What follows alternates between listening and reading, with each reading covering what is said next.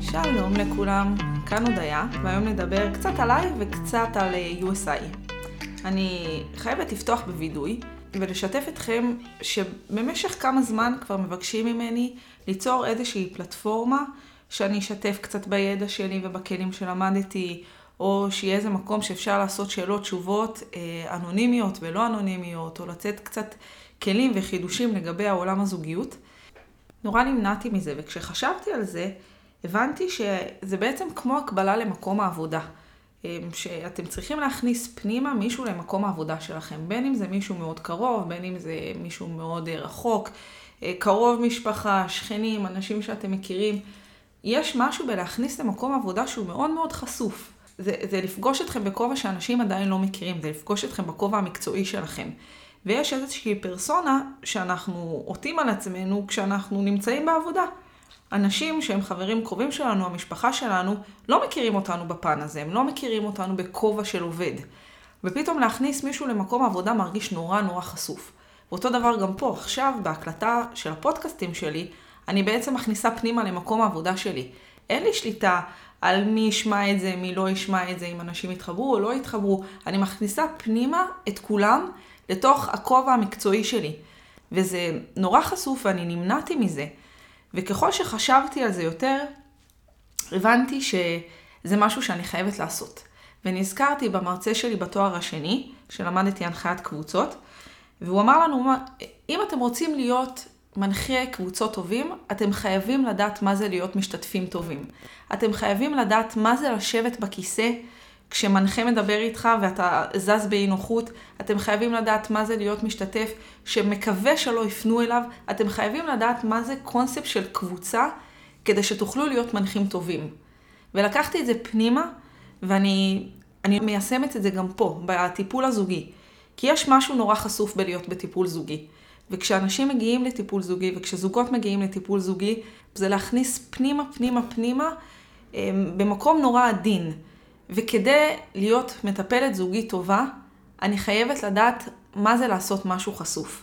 מה זה לעשות משהו שמרגישים איתו לא בנוח. ככה אני באמת אוכל לדעת מה עובר על הזוגות שבאים אליי.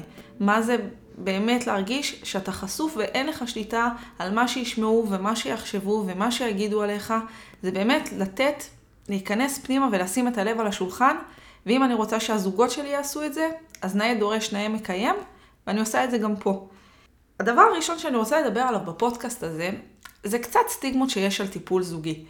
כשאני מספרת לאנשים שלמדתי טיפול זוגי, ושאני עוסקת בזה, יש הרבה תגובות. חלק אומרים, מה, זה לא קשה, חלק אומרים, וואו, איזה מדהים, ואני תמיד רואה שיש להם משהו לשאול, שמשהו עומד להם עד קצה הלשון, והם כאילו, הם פסע מלשאול את זה, או פסע מלהגיד משהו, או, או להתייעץ על משהו. אני ממש רואה את זה בהרבה הרבה פעמים שאני מציגה את עצמי כמטפלת זוגית. וכשאני עם אנשים שקרובים אליי, שאלתי אותם, תגידו, מה אתם חושבים על טיפול זוגי? האם אי פעם הייתם בטיפול זוגי? אם לא, מה מונע מכם ללכת בת... לטיפול זוגי? וככה אספתי לעצמי כמה סטיגמות שבעיניי הן נורא חזקות, וגם אני חשבתי אותן אם להיות כנה לפני שהלכתי ללמוד את זה, ואני רוצה שהפודקאסטים שלי יעסקו בקצת ניפוצים של הסטיגמות האלה. הסטיגמה הראשונה, שאני נתקלת בה הרבה, זה שחושבים שמי שמגיע לטיפול זוגי זה זוגות שהגיעו, זהו, שהם בטוטלוס, שהם הגיעו לקצה של הקצה, שהם במקום מאוד מאוד מאוד רע, מאוד רע, שאוי ואבוי אם הם הגיעו לטיפול זוגי, מה זה אומר עליהם כזוג. וזה הדבר הראשון שאני רוצה לנפץ. כי טיפול זוגי מתאים לכולם, ואני אסביר גם למה. לא, לא משנה איפה נמצאים בסקאלה בין זוגיות מאוד מאוד מאושרת לתקופה מאוד מאוד מאתגרת בזוגיות ואיזושהי עננה של פרידה או גירושים על הפרק, טיפול זוגי מתאים. כי אם נמצאים במקום הטוב, בקצה האחד של הסקאלה, במקום המאושר של הסקאלה, צריך לדעת איך לשמר את זה. כי הרי החיים שלנו הם בגלים, הם בתקופות. יש לנו כמו מדופק, אנחנו לפעמים למעלה, לפעמים למטה. אם יש לנו קו ישר, אנחנו כבר לא פה, אנחנו כבר לא בעולם הזה. אבל ככל שיש לנו עליות וירידות, זה אומר שאנחנו חיים.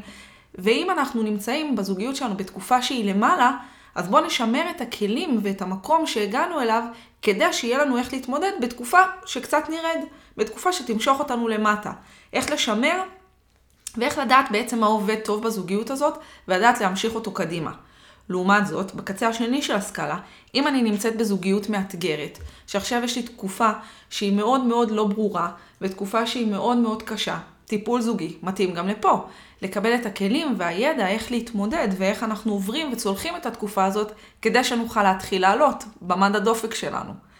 אז, אז טיפול זוגי מתאים בשתי הקצוות וגם במה שאפור.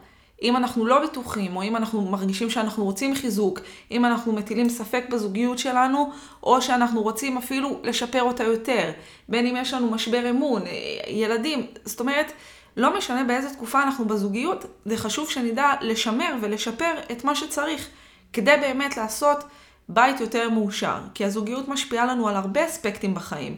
זה משפיע על מי שאני בראש ובראשונה, זה משפיע על הזוגיות ועל האדם שאיתי, על האווירה בבית, על הילדים שלי, על איך שאני מתפקדת במקום העבודה שלי, על איך שאני מתנהלת בכלל בעולם.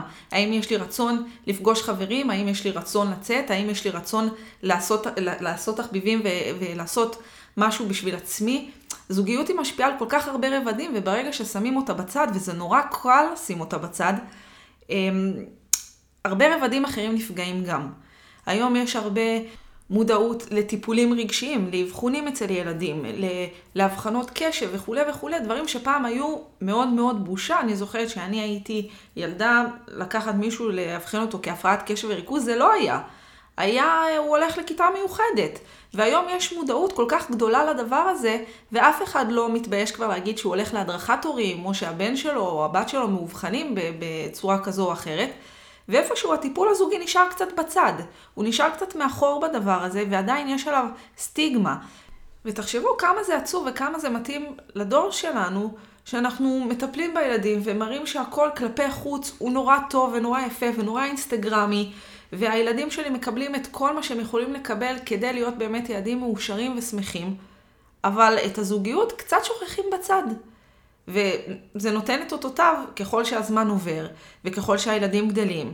וזה נותן פשוט שנים של זוגיות לא טובה והתנהלות בבית שהיא לא מטיבה עם אף אחד, וחבל. זה דבר אחד. הסטיגמה השנייה זה הפחד שהמטפל יתפוס צד. זה הפחד משאני אבוא עם איזושהי דילמה שנמצאת ביני ובין הזוג שלי או בת הזוג שלי, אמ, והמטפל יגיד, תקשיבו, את צודקת, או היא צודקת, על משהו שהוא נורא נורא משמעותי עבורי. ואז אם יגידו לי שאני טועה ושהוא צודק, מה זה אומר בעצם? כאילו, איך אנחנו מתנהלים מפה? איך אנחנו ממשיכים את הזוגיות שלנו או ההתנהלות שלנו עם משהו שהוא מאוד משמעותי לי, המטפל בכלל תפס צד אחר. או משהו שחשבתי שאני צודקת, פתאום אני מבינה שלא, איך אני מתמודדת עם זה. וזה באמת נורא מפחיד. ותכף אני אענה על זה, האם זה באמת מקומו של המטפל או לא. הסטיגמה השלישית, והיא קצת מתקשרת לזה, זה שאומרים מה לעשות. שהולכים לייעוץ זוגי, אז מישהו יישב ומייעץ לי מה לעשות.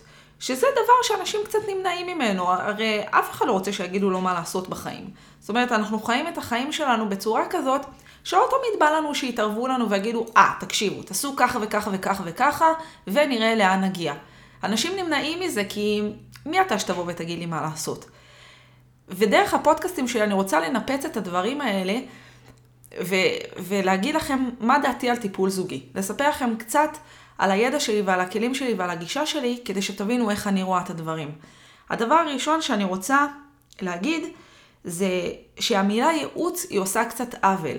כי מה שעולה לנו בראש בייעוץ זה שישבו ויגידו לנו מה לעשות. וזה קצת חוטא למטרה. בעיניי, בגישה שלי, אין מישהו שמכיר את הזוגיות שלכם יותר טוב מכם. אז לבוא ולהגיד לכם מה לעשות ואיך לשפר, זה קצת אה, מנותק. זה לא, זה לא המטרה שלי. המטרה שלי היא לשבת ולעזור לכם להקשיב אחד לשני, כשהדרך קצת הלכה לאיבוד.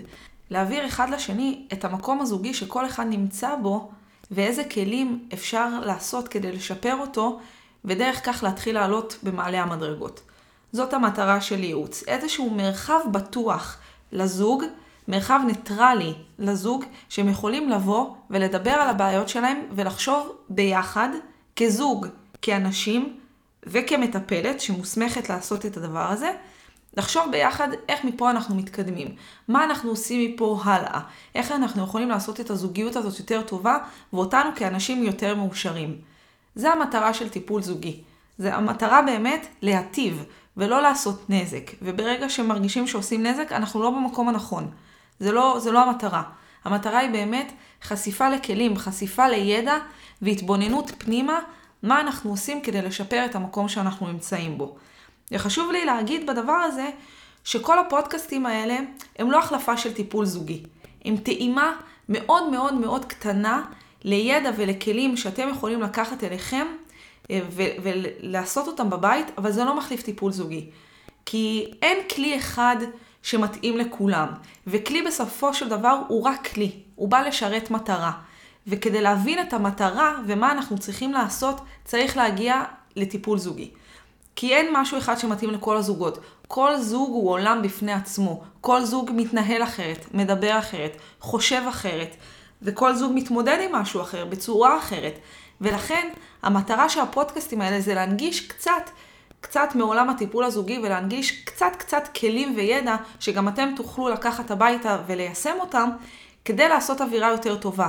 אבל אם אתם מרגישים שאתם צריכים טיפול זוגי, וכבר אמרנו מראש שכולם צריכים טיפול זוגי, זה לא תחליף, וחשוב לי שתזכרו את זה. אז מה אני בעצם רוצה לעשות בפודקאסטים האלה? אני רוצה להנגיש ידע, אני רוצה להנגיש את עולם הטיפול הזוגי, אני רוצה להכיר את העולם מקרוב, להכיר לכם אותי כמטפלת מוסמכת בטיפול זוגי. אני רוצה להכיר אתכם, אני מקווה שדרך הפודקאסטים שתשמעו יעלו לכם תהיות ומחשבות ושאלות אה, ודברים שלקחתם איתכם ודברים שהעדפתם לא לקחת איתכם. להכיר אתכם גם דרך הדבר הזה, אה, כדי שבאמת נייצר איזושהי פלטפורמה שהיא נחמדה ויכולה לעזור לכולם. שאלה נוספת ששאלו אותי זה מה זה USI, למה החלטתי לקרוא למקום שלי USI. אה, זה לא עיוות של, אה, של USA, USI זה המרחב בו אנחנו בונים את הזוגיות שלנו. מה זאת אומרת? U זה אתה או את, ו-I זה אני, לא כמטפלת, כאתם כזוג, ורק במרחב בין U ל-I יש את ה-us, יש את האנחנו.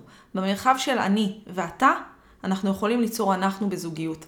בגלל זה קראתי לזה USI, כי כולם חשובים פה. טיפול זוגי נוגע לא רק במרחב של האס, לא רק במרחב של האנחנו. אי אפשר באמת לגעת רק באנחנו, כי אנחנו מביאים את עצמנו לטיפול זוגי. אנחנו חייבים לגעת בכל אחד מהצדדים. חייבים לגעת גם ב-U וגם ב-I, ודרך זה לייצר איזשהו משהו שהוא אנחנו. לבנות ביחד את האנחנו החדש, מתוך ראייה של כל אחד בנפרד.